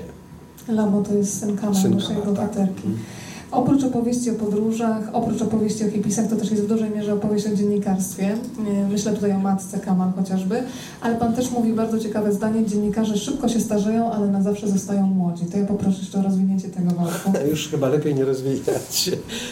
Ten zawód rzeczywiście mnóstwo daje. E, jest bardzo ciężki. W związku z tym może takie zużycie fizyczne następuje szybciej, bo się pracuje w niehigienicznych warunkach, niedobrych godzinach. Tej pracy się nigdy nie kończy w zasadzie, bo trudno wyłączyć sobie myślenie. Nie kończą się też w zasadzie dyżury. Ale z drugiej strony ten zawód konserwuje właśnie przez to, że zmusza do takiej aktywności. Znaczy w dziennikarstwie zasiedzie, zasiedzenie jest niemożliwe. Jak człowiek się zasiedzi, to wypada z tego zawodu. Z takiego zawodu, który ja uprawiałem, bo w dziennikarstwie jest mnóstwo zawodów. E, jest dziennikarz, który pisze o muzyce, którzy mówi o muzyce. Ja mówię o tym dziennikarstwie depeszowym, którego ja byłem wykonawcą. Więc to dziennikarstwo depeszowe czy, czy, czy reportaż jako dodało, dołożony, bo ja sobie jeszcze dołożyłem ten reportaż do mojego depeszowania, to wymusza aktywność. To, to, te zdanie Rolling Stonesi podobno stąd wzięli nazwę zespołu, im się spodobało, Dylan Thomas, który napisał podobno idyla o tym śmiała, że toczący się kamień nie obrasta mchem. No więc e, dziennikarstwo nie pozwala na to, żeby obrosnąć mchem. Jak się obrośnie, to w zasadzie jest się z tego zawodu wykluczany. Więc to powoduje, że może człowiek jakoś dłużej się toczy. No. I to pytanie, które się cały czas przewija przez książkę, jak podróżować po świecie, żeby się nie pogubić w tym życiu. Tego chyba nikt nie wie. Bo po tej książce w ogóle każdy człowiek dla mnie jest tajemnicą i to też jest nadzieja, że cały czas warto być w tej podróży. Bo w ogóle w swoim pisaniu, tym, zwłaszcza tym książkowym e, i czytaniu zresztą też, nigdy nie lubiłem no, znaków wykrzykników nie znoszę. Ale nawet tak mocno stawianych kropek na końcu zdania też mam duże podejrzenia i jakąś taką nieufność wobec tych takich dziennikarskich, reporterskich Sherlocków Holmesów, którzy wkraczają, posiedzą, pokręcą się, pokręcą i później całą tajemnicę, już wszystko wiedzą, wszystkie rozwiązania są moje doświadczenia, może nie jestem wystarczająco zdolnym Sherlockiem Holmesem, ale są takie, że rozwiązania czy odpowiedź, która była prawdziwa we wtorek, wcale nie musi być taka oczywista w czwartek. Ktoś, kto był łajdakiem rok temu, niewykluczone, że będzie się ujawniał jako może nie bohater, ale z jakimiś przynajmniej nutkami bohaterstwa to, to jest dobre. Dla, ja tak uważam przynajmniej, że to nie jest oczywiste, bo to sprawia, że, że świat, nawet oglądany ten sam świat, jest inny, jest przez to bogatszy, nie jest nudny, nie jest, nie jest raz, dany raz na zawsze, tylko można go wciąż od nowa oglądać i dziwić, i zachwycać, więc ja nie mam z tym najmniejszego problemu. Powiedział Pan na samym początku, że dzięki Bogu chwilowo nie piszemy książki, mówiąc o sobie i żonie. To ile ta chwila potrwa? Bo ja jako czytelnik bym chciała, żeby jak najkrócej ta chwila potrwała. No to jest konflikt interesy, interesów, tak. tak. Ja bym chciał, żeby potrwała ta chwila znacznie dłużej. Ja się znalazłem też troszeczkę na takim rozdrożu, może tak jak święty, może będę potrzebował powypatrywać takiej podpowiedzi. E, bo skończyło się to moje dziennikarstwo. Wszystkie książki, które napisałem, włącznie z tą ostatnią, chociaż ona była w trzech czwartych zebrana, to jest rezultat moich podróży dziennikarskich, depeszowych. Ja to zbierałem przy okazji. E, już nie jeżdżę tak od dłuższego czasu, w związku z tym niczego nowego nie przywiozę. Owszem, mogę jeździć dalej i o terminach i kierunkach tych podróży nie będą decydowały wydarzenia polityczne, ale tych nowych podróży i nowej pracy ja się muszę dopiero nauczyć. A czy jest szansa, że będzie na przykład powieść z tej wsi z asfaltem, już niestety to na pewno nie. ale to, to, to na pewno to nie. nie może to być ta ciekawa nie. historia za rokiem? Nie, nie, nie, na pewno nie, dlatego że to nie dlatego, że ja uważałem te wszystkie kraje, którymi się zajmowałem za dużo ciekawsze niż Polska, broń Panie Boże. Natomiast ja im poświęciłem 25 lat pracy i wcześniej jeszcze parę lat studiów. Po tylu latach czuję się jakby usprawiedliwiony, że to jest wystarczający czas, który poświęciłem na poznanie czegoś. Nie twierdzę, że poznałem to, ale próbowałem poznawać. A to, że żyję w Polsce, to według mnie nie usprawiedliwia, znaczy to nie jest e, usprawiedliwienie, że ja o Polsce pisał.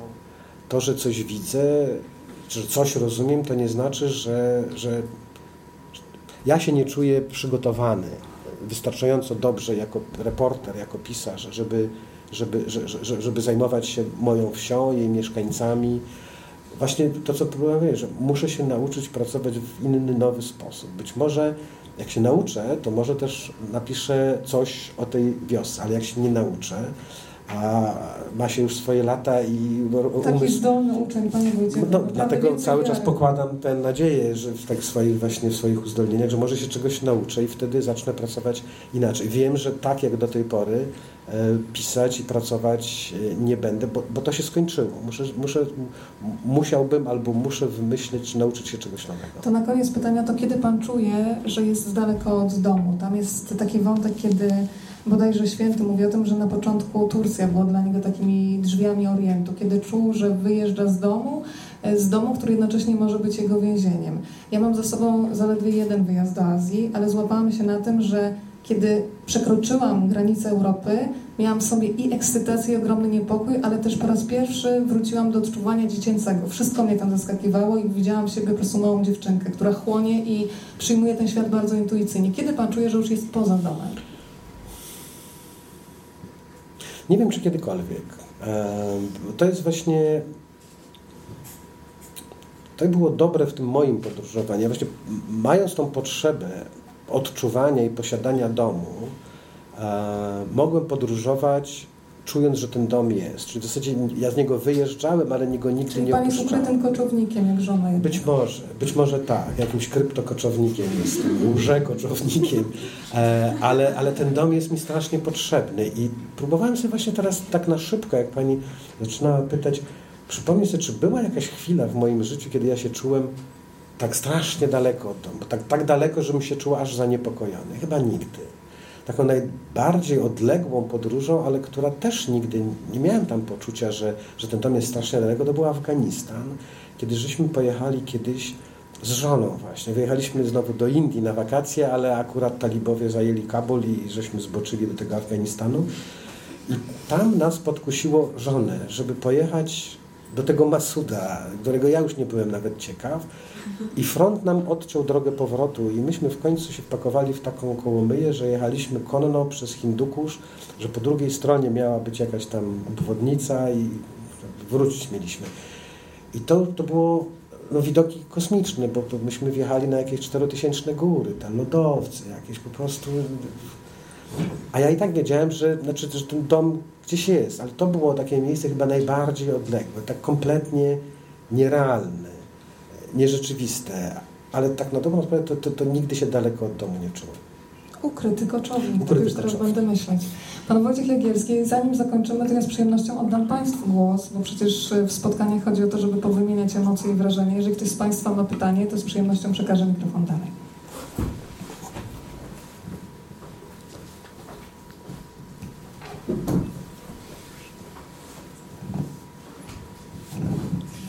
Zdarzyła się taka niebezpieczna sytuacja, że tak powiem, śmierć zajrzała Panu w oczy? Zdarzyła. nie, ja nie, nie, starałem się ich nigdy rozpamiętywać ani rejestrować. Może dlatego, żeby za bardzo głęboko w pamięć nie weszły, bo jakby weszły, to myślę, że mógłbym e, wcześniej być zmuszony do porzucenia tego zawodu. E, bo znaczy, wyjeżdżając, to ja nie wybierałem tematyki wojennej. Ja dokonywałem wyborów terytorialnych, ale z dobrodziejstwem inwentarza. I jak tam się wojny działy, no to, to jechałem w te miejsca. Mm, I koncentrowałem się na zadaniu swoim dziennikarskim. No, gdybym myślał o tym, że rok wcześniej w podobnej sytuacji coś takiego niedobrego się mi przydarzyło, albo że coś się zdarzyło niedobrego moim znajomym, czy z dobrym kolegą, to myślę, że bym nie potrafił e, pojechać. Ten strach zawsze był obecny, ale on mógł się pojawiać przez mgnienie oka. to było dopuszczalne. Natomiast jeżeli pojawiał się na dłużej, albo jeszcze przed wykonaniem zadania, to, to on eliminował z zawodu. Więc ja myślę, że ja instynktownie tego rodzaju zdarzenia wypierałem. Ale będąc na tych wojnach i jeżdżąc z fotoreporterami, starając się nawet i bez tych fotoreporterów, nie ze względu na swoją krótkowzroczność albo jakąś nieufność, ale ja podchodzić starałem się jak najbliżej. E, to siłą rzeczy wystawialiśmy się zawsze na, na jakieś tam ryzyko i, i, wiele razy były sytuacje, gdzie, gdzie, gdzie tam strzelano, czy myśmy się wpakowywali w jakieś strzelaniny. E, myślę, że najbardziej niebezpieczne były wypadki samochodowe, paradoksalnie, w których e, też uczestniczyliśmy parę razy. E, ale tak, tak, no to, to, to siłą rzeczy. Ale nie, nie, nie żałuje Pan takiej sytuacji, że czemu ja tam pojechałem? Raz tak się zdarzyło, raz tak się zdarzyło i to był mój ostatni wyjazd właśnie, bo to trwało zbyt długo i potem, znaczy nie planowałem, nie postanowiłem sobie, że, że nigdy więcej już nie pojadę. Natomiast siedziałem, to była sytuacja, która trwała z półtorej godziny, no więc wystarczająco długa, żeby człowiek się zdążył śmiertelnie przestraszyć. Zwykle jeszcze było tak, że jak dziennikarz gdzieś wpakowuje się w jakąś sytuację niebezpieczną, to on tam jest przypadkiem. Ci ludzie strzelają do siebie, ale rzadko kiedy do dziennikarza. Przynajmniej tak kiedyś było. E, więc taka świadomość, że owszem, te kulki latają, ale one nie są we mnie wymierzone, to daje takie większe poczucie bezpieczeństwa. Akurat w tej sytuacji, o której mówię, byłem tylko ja. I strzelali, no więc nie mogli strzelać w powietrze, strzelali tylko do mnie. Ja wiedziałem, że to jest do mnie. I ponieważ to tak długo trwało, to, to, to, to uświadomiłem sobie absurd tej sytuacji, że znalazłem się gdzieś pod płotem, nawet jak zdam tą relację, to kogo to w ogóle, jakie to ma znaczenie? Jakie ma znaczenie, że w Chinwali nie ma Rosji, albo że są, kto w ogóle słyszał o jakimś Chinwali i, i co to w ogóle ma za znaczenie? I, a ja tam siedzę, bo pojechałem, żeby zobaczyć, co się dzieje w Chinwali, czy nie ma Gruzinów w Chinwali. Po prostu absurdalne, no, karykatura tego wszystkiego, ale jako dziennikarz nie mogłem nie pojechać do tego Chinwali. Zrobiłem mnóstwo błędów po drodze, y, razem, y, nigdy się ich nie uniknie, ale, ale tam uświadomiłem sobie ten absurd sytuacji. I, i wtedy tak myślałem, że po prostu, no, po prostu no, no, jakiś koszmar, no, jak można było w to się wpakować. Ale potem efektem tego wyjazdu i myślę, że tego strachu było, było też to, że, że więcej już nie jeździłem.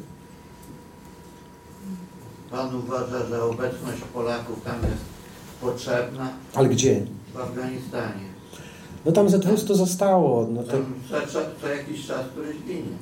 Już nieszczęśliwie od dłuższego czasu.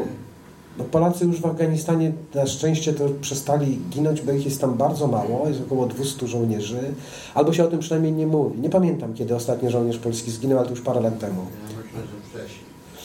E, czy jest potrzebna dzisiaj? Wydaje mi się, że znaczy to o dwóch rzeczach rozmawiamy.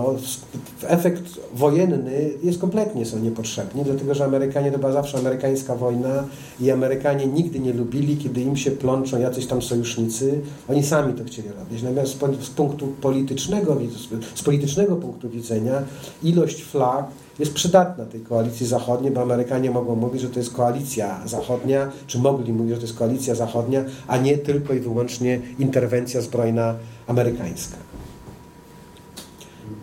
Dlatego zątka grup pan spotkał może? Tam był taki... Jest, znaczy nie spotkałem. E, w dodatku, znaczy Radek Sikorski twierdzi, że on jest i że on widział, bo próbowaliśmy znaleźć grup e, innego Polaka, który do Afganistanu jeździł, pana Jacka Winklera. I, znaczy grobu nie, ale miejsce, bo on zginął w, w Alpach. E, więc tych śladów nie ma. Co do Ządka też są rozmaitego rodzaju wątpliwości, czy to jest naprawdę to miejsce, gdzie Ządek zginął. Świadków jego śmierci, znaczy ci, którzy byli świadkami śmierci Ządka, e, no o tym nie opowiadali. Są tylko jakby hipotezy, co się mogło z nim stać. Ja mam takie pytanie dotyczące trochę poprzedniej książki, którą Pan napisał, e, mianowicie Wszystkich Wojenary. Tam opisuje Pan historię synów którzy wyjechali na zachód, którzy prowadzili takie normalne życie i trochę pod wpływem e, takiego spostrzeżenia, że oni są jednak pariasami tej Europy, że jednak nie dościgają tych e, mieszkańców rdzennych, radykalizują się. Czy to nie jest takie spostrzeżenie ogólne, które gdzieś tam przy mm, tym coraz większym odsetku jednak tej społeczności muzułmańskiej w Europie jest e, zagrożeniem z Pana punktu widzenia? Dla mnie zagrożeniem... Znaczy, nie boję się, nie bałbym się sąsiada, Czeczena czy Syryjczyka, e, jeżeli on te samo moje podwórze będzie traktował jako swoje podróże, pod, podwórze. E, natomiast patrzyłbym może troszeczkę inaczej, jeżeli on by czuł się na tym podwórzu niedobrze, znaczy nie uważał, że to jest jego dom.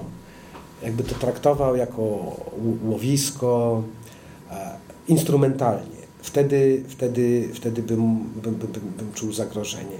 Statystyki pokazują, znaczy to wszystko, co się dzieje mm, od paru lat w zachodniej Europie, pokazują to niebezpieczeństwo, ale to nie jest wynalazek ostatnich pięciu czy trzech lat.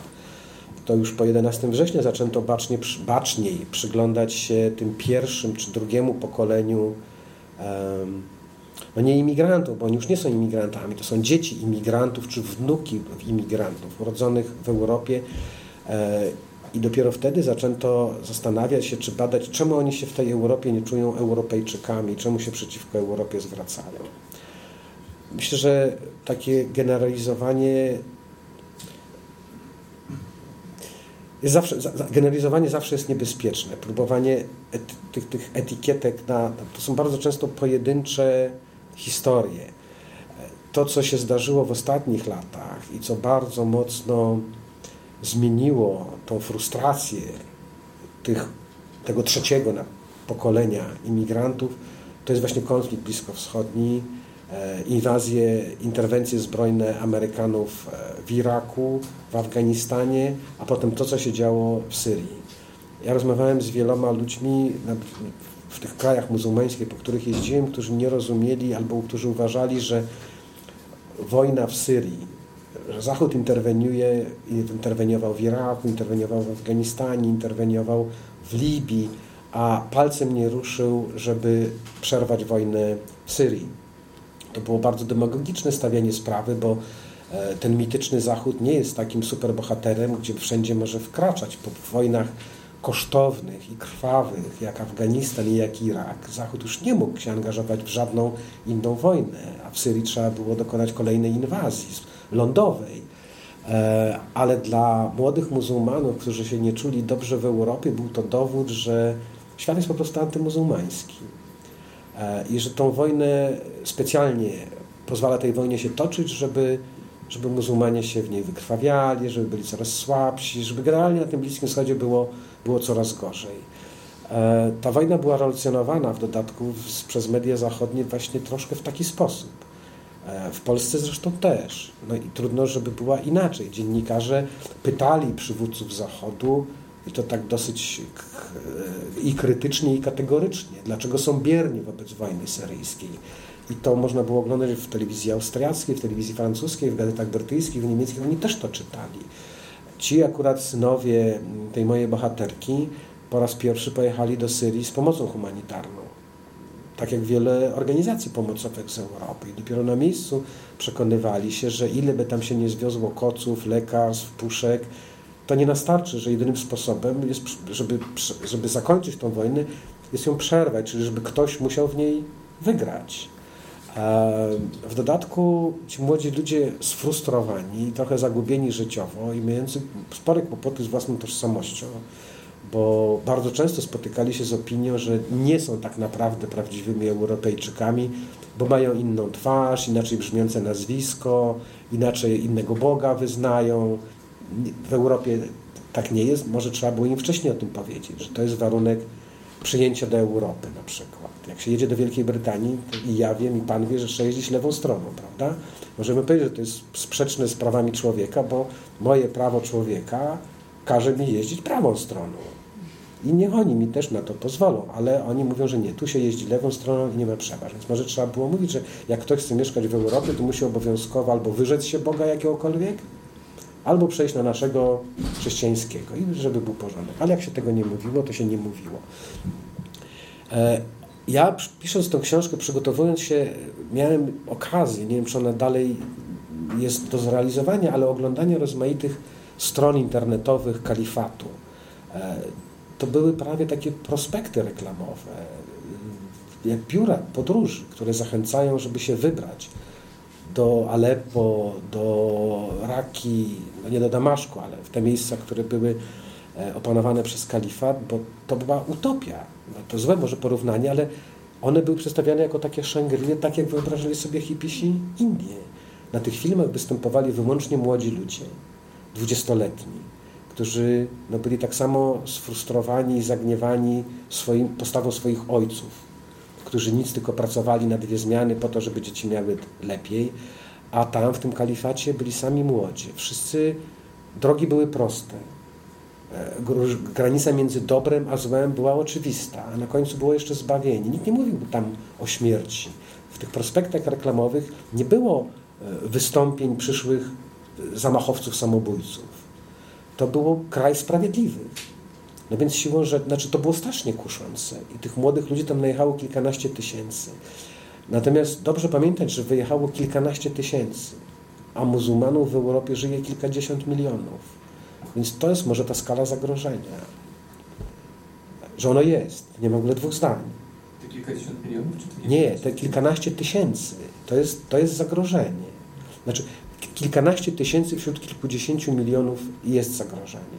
Ale myślę, że jeżeli odwrócić pytanie i na przykład powiedzieć, że czy faszyzm jest zagrożeniem, skrajny faszyzm w Europie, no to może te proporcje by się okazały takie same. Zgodzimy się, że pewnie nie. Ale jakby policzyć iluś, nie wiem, bojówkarzy, którzy, nie wiem, tam świętują urodziny. Bandery na przykład. Bandery, Hitlera, czekają na jakąś wojnę, żeby się z kimś rozprawić.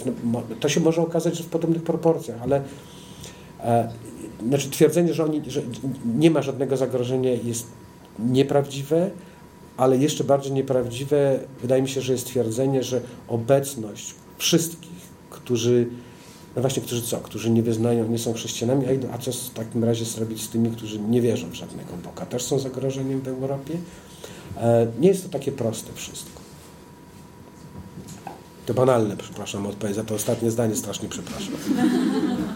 E, pytanie techniczne o spór w Polskiej Szkole Reportażu.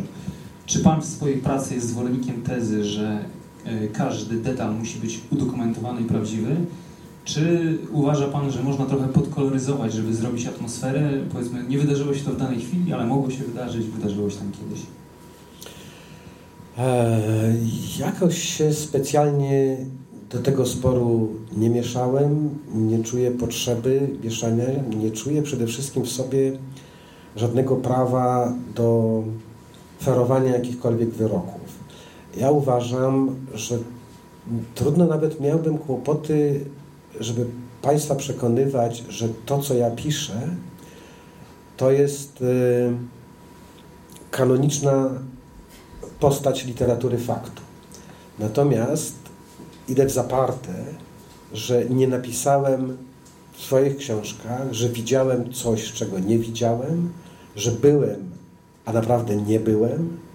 E, no więc to jest dla mnie ta granica między literaturą faktu a fikcją. Jeżeli literatura faktu w jakikolwiek sposób przekłada się na dziennikarstwo, no to fikcja jest niedopuszczalna.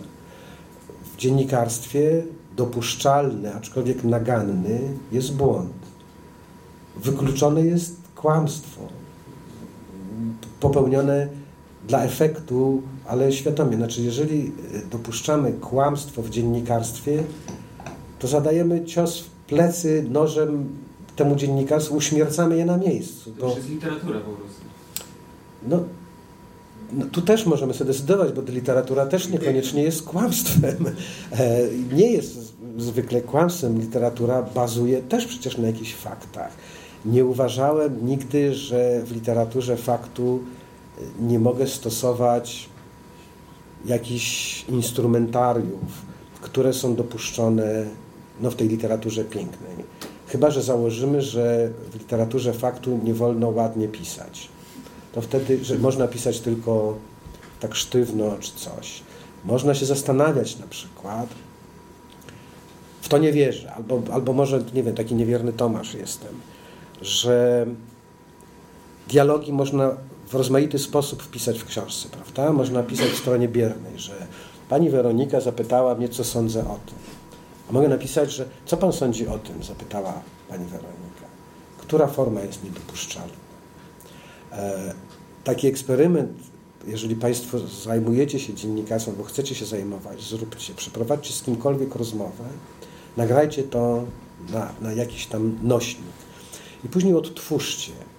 E, I jeżeli jest to rozmowa, kiedy rozmówca się nie kontroluje, znaczy w radio, gdzie pani Dominika pracowała, pani Weronika pracowała, tego nie słychać, bo to jest rozmowa na żywo. Ale jeżeli ta sama fantastyczna rozmowa, która pani Weronika przeprowadziła w radiu, jak pan to spisze i słowo w słowo opublikuje w gazecie, to ten mędrzec z radia będzie kompletnym idiotą. Jak pan mu chce zrobić krzywdę, to, to nie ma lepszego sposobu. Ja kiedyś miałem szczęście przeprowadzić z koleżanką bardzo długi wywiad z Ryszardem Kapuścińskim. W strasznie ważnych sprawach. Jak żyć, co z tym światem. Było tak to długie, że nie chciało nam się przepisywać z tych taśm. Daliśmy do maszynistki. I później nie mogliśmy przez dwa dni pracować, bo to była praca w odcinkach. Jak żeśmy czytali to, co pan Ryszard powiedział nam, żeśmy się kulali ze śmiechu. Mogliśmy zniszczyć legendę Kapuścińskiego, zanim Artur Domosławski wpadł na pomysł, żeby o nim napisać. I to były jaśnie Pana własne słowa. Nie mógł nam zaprzeczyć, bo to jest na... na ten. No więc pytanie teraz, to, to jak to spisywać te dialogi? E, więc ja, trudno mi powiedzieć, ja używam i takiej formy, i takiej formy, bo idzie o to, o co mnie zapytano, a niekoniecznie, żeby te słowa były dokładne. I może Pan powiedzieć, że to jest naciąganiem faktów, bo Pani zapytała lecz, a, a nie użyła jakiegoś innego słowa. No więc naciągam fakty. W jakimś sensie tak, ale, ale no to tego rodzaju. To jest kosmetyka, ale nie ubarwianie.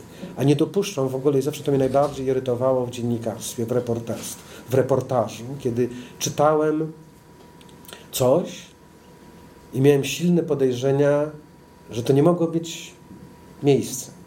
Lubiłem podróżować z fotoreportami z wielu powodów, z fotoreporterami. Także między innymi z tego, że nas było dwóch, z tego były fotografie. No więc tego, tego nie znoszę. Znaczy, takiego, nawet jeżeli ktoś już zrobi, to niech zrobi już takie porządne kłamstwo. Ale takie naprawdę imponujące. A najbardziej nie lubię takich kłamstewek, takiego, takiego to, to, to, to miałem takich ulubionych dziennikarzy telewizyjnych, które na przykład się tam je, rok temu w tym miejscu płynęła rzeka krwi. No dobra, no nawet jeżeli rok temu, no to co z tego, że teraz tu jesteś? To rok temu trzeba było być. A to jest taki zabieg, który redakcje strasznie lubią. Ja nie pamiętam ile razy nadawałem z piekła Sri Lanki. Z jakiego, no, redakcje lubiły dawać takie, takie nagłówki, bo to było, a, nasz specjalny z piekła nadaje.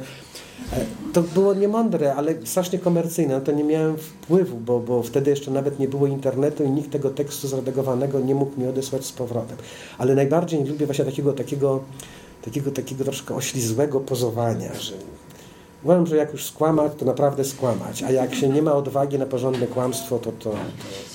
Bardzo żałowałem, bo mój kolega Wojtek Maziarski, z którym miałem szczęście pracować w Gazecie Wyborczej, namawiał mnie wiele lat, żebym stworzył państwo afrykańskie i z niego nadawał relacje, którego by nie było. Żałuję, że tego nie zrobiłem. Ale bo to być... Szymborska tak zrobiła. No proszę bardzo, ale to trzeba być, mieć wrażliwość i wyobraźnię Wisławy Szymborskiej. Chciała A ja byłem... do Władysława Bartoszewskiego, powiedzieć, że jest nowa, była chyba na targach książki, chyba gdzieś pod Frankfurtem i znając jej wysłała Rosinka po klej, żeby nakleili na wielkim takiej mapie, która była gdzieś w, w holu tego, w, tego, w tym hotelu była i poprosiła, żeby zadzwonić do Władysława Bartoszewskiego, że to stworzyła nowe państwo i jest konieczność nawiązania I stosunków nie było takiego Ola Boga z Sany Skopar, wszystko by było w porządku. A, a no niestety zabrakło mi odwagi. Ale to by było takie duże kłamstwo.